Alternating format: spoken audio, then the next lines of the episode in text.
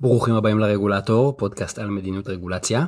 אני גיא והיום נשאל איך בונים מערך פיקוח ואכיפה שבאמת עובד. כדי לצמצם את הפשיעה האלימה ברחובות ניו יורק, השוטרים בודקים האם אנשים חשודים נושאים נשק. התהליך הזה נקרא בקיצור SQF, זה קיצור של Stop, Question, Frisk. עצור, תשאל, חפש. תחילה, מעכבים אדם ומתשאלים אותו. אם התשובות חשודות, מבצעים גם חיפוש חיצוני, מעל הבגדים. החיפוש הזה נועד לאתר כלי נשק. דוח של ארגון ניו יורק סיביל ליברטיז יונן ניתח את הנתונים שמשטרת ניו יורק פרסמה על השנים 2014-2017. מה הנתונים האלה מגלים לנו? ש-81 מהעיכובים עוד מלכתחילה היו של שחורים או לטינים ובעיקר גברים צעירים.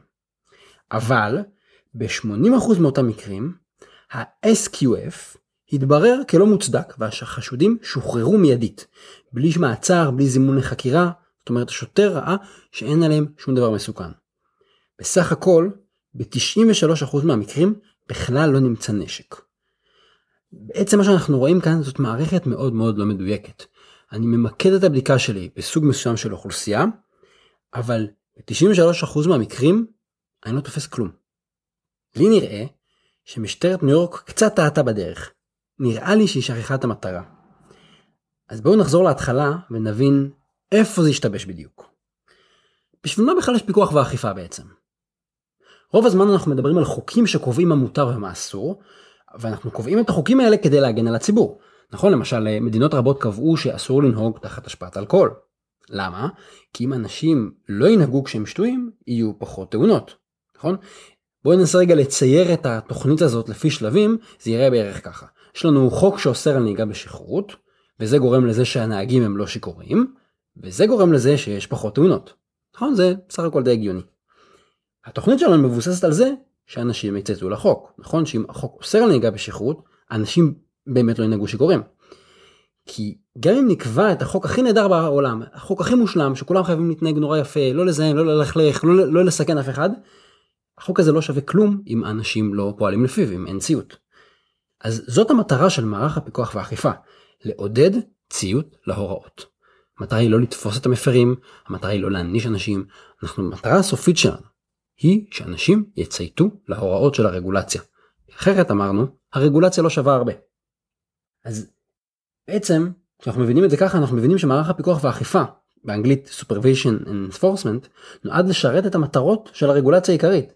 זאת אומרת מערך פיקוח ואכיפה של משרד הבריאות אמור לשרת בריאות ומערך פיקוח ואכיפה של מכון התקנים אמור לשרת בטיחות או תחרות וכולי. העניין הוא שהרבה גופי פיקוח ואכיפה שוכחים שהתפקיד שלהם הוא לעודד ציות.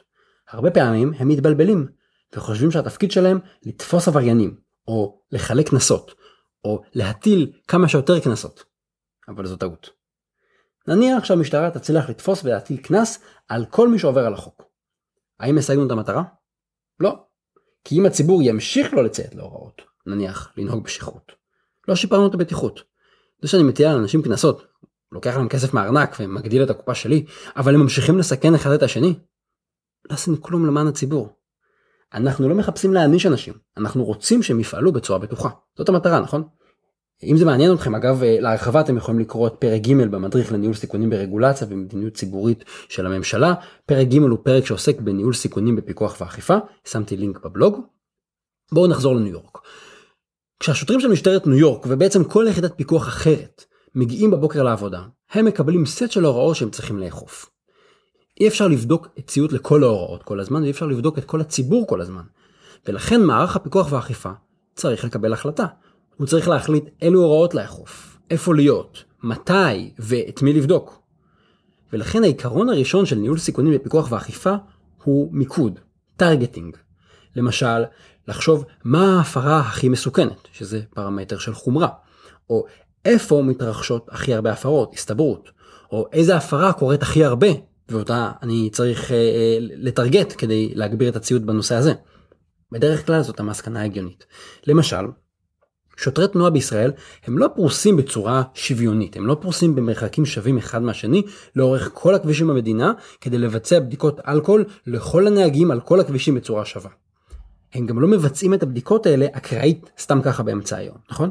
שוטרי התנועה מבצעים בדיקות אלכוהול בעיקר בשעות הלילה וביציאה מאזורי בילוי, כי שם ההסתברות הרבה יותר גבוהה להפרות של נהיגה בשכרות. נכון? זה, זה ממש common sense, אבל אנחנו צריכים להגיד, רגע, מה המטרה שלי? לתפוס את ההפרה. איפה ההפרה הזאת יכולה להיות? איפה ההפרה החמורה יכולה להיות? ואז אני הולך לשם ומטפל בה. אני לא סתם הולך. אז זה לא מספיק רק להפעיל שיקול דעת, אנחנו צריכים גם להשתמש בנתונים. הדוגמה על משטרת ניו יורק מלמדת שבחלק מהמקרים הדגימה הייתה כנראה על סמך דעות קדומות. לאורך השנים משטרת ניו יורק עיכבה הרבה יותר גברים שחורים ולטינים כשהבחירה הזאת התבררה כשגויה.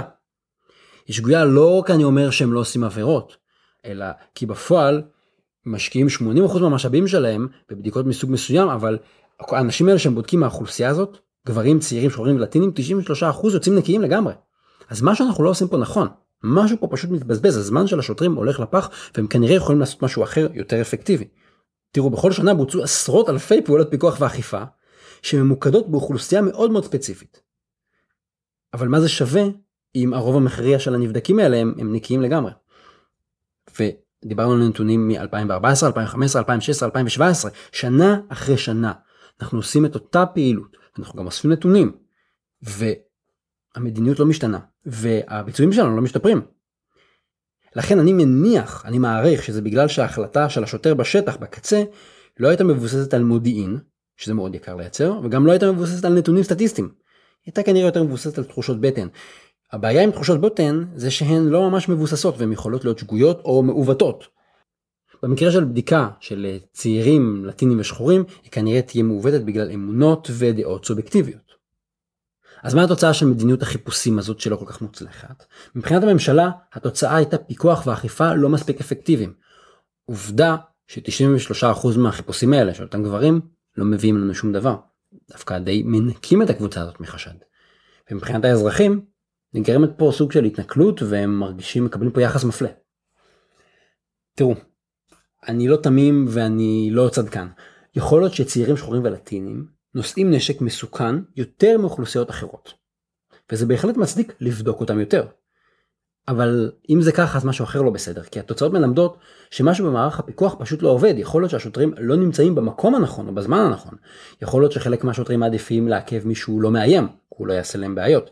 זה לא כיף להסתבך עם מפוקח שהוא אלים הוא אולי יתקוף אותך. אמ, יכול להיות שהם לא הולכים אה, לעשות את הביקורות האלה בלילה. כי מי רוצה לעבוד בלילה? עדיף לעשות משמרת יום. יכול להיות שהם לא הולכים למקומות שהם מרוחקים מהתחנה שלהם ממקום העבודה שלהם ממקום המגורים. הם הולכים אולי לאיפה שקל להם ולאיפה שלא צריך להיות. התופעה הזאת נקראת גם קרימינג, זאת אומרת לאכול רק את הקצפת, להתמודד עם מי שנוח לי ולא עם המקרים הקשים, לעשות את מה שקל ולא בהכרח במי שמסכן את הציבור. אז יכול להיות שסיבות כאלה ואחרות גורמות לשוטרים להתמקד באוכלוסייה הלא נכונה, או לא לעשות את החיפוש הנכון, או לא לבוא בזמן הנכון, או במקום הנכון, או בהקשר הנכון. רוב החוקים נכשלים בשלב היישום, בעיקר בגלל שהפיקוח והאכיפה בשטח לא עובדים. חוק מעולה יסתכם בתוצאות עלובות אם הביצוע שלו בשטח לא יהיה מספיק טוב. והביצוע בשטח נחסך על שירות לציבור, על פיקוח, על אכיפה, על בקרה, על איסוף המידע. זה הדברים שמאוד מאוד קשה לעשות אבל הם קובעים בסוף את רמת ההצלחה. ככל שהפיקוח והאכיפה יהיו יותר ממוקדים בסיכונים ויתבססו על נתונים, ככה הם ישרתו יותר טוב את הרגולציה. ועל הדרך זה גם יפחית חיכוך מיותר עם הציבור ויהיו חסכוניים ויעילים במשאבים. וככה כולם מרוויחים בעצם. עד כאן להפעם, תודה רבה שהאזנתם לעוד פרק של הרגולטור, כדאי לעשות מנוי באפליקציות השונות, למשל פודבין, ככה לא תפספסו פרקים, אתם מוזמנים לעקוב גם אחרי הבלוג וגם אחרי הפייסבוק, בבלוג תוכלו למצוא לינקים למקורות ולפוסטים בנושא. תודה רבה לגבי לבל על הסיוע במחקר ובכתיבה, תודה לרן שיר על עריכת הסאונד, התכנים משקפים את דעותיי בלבד.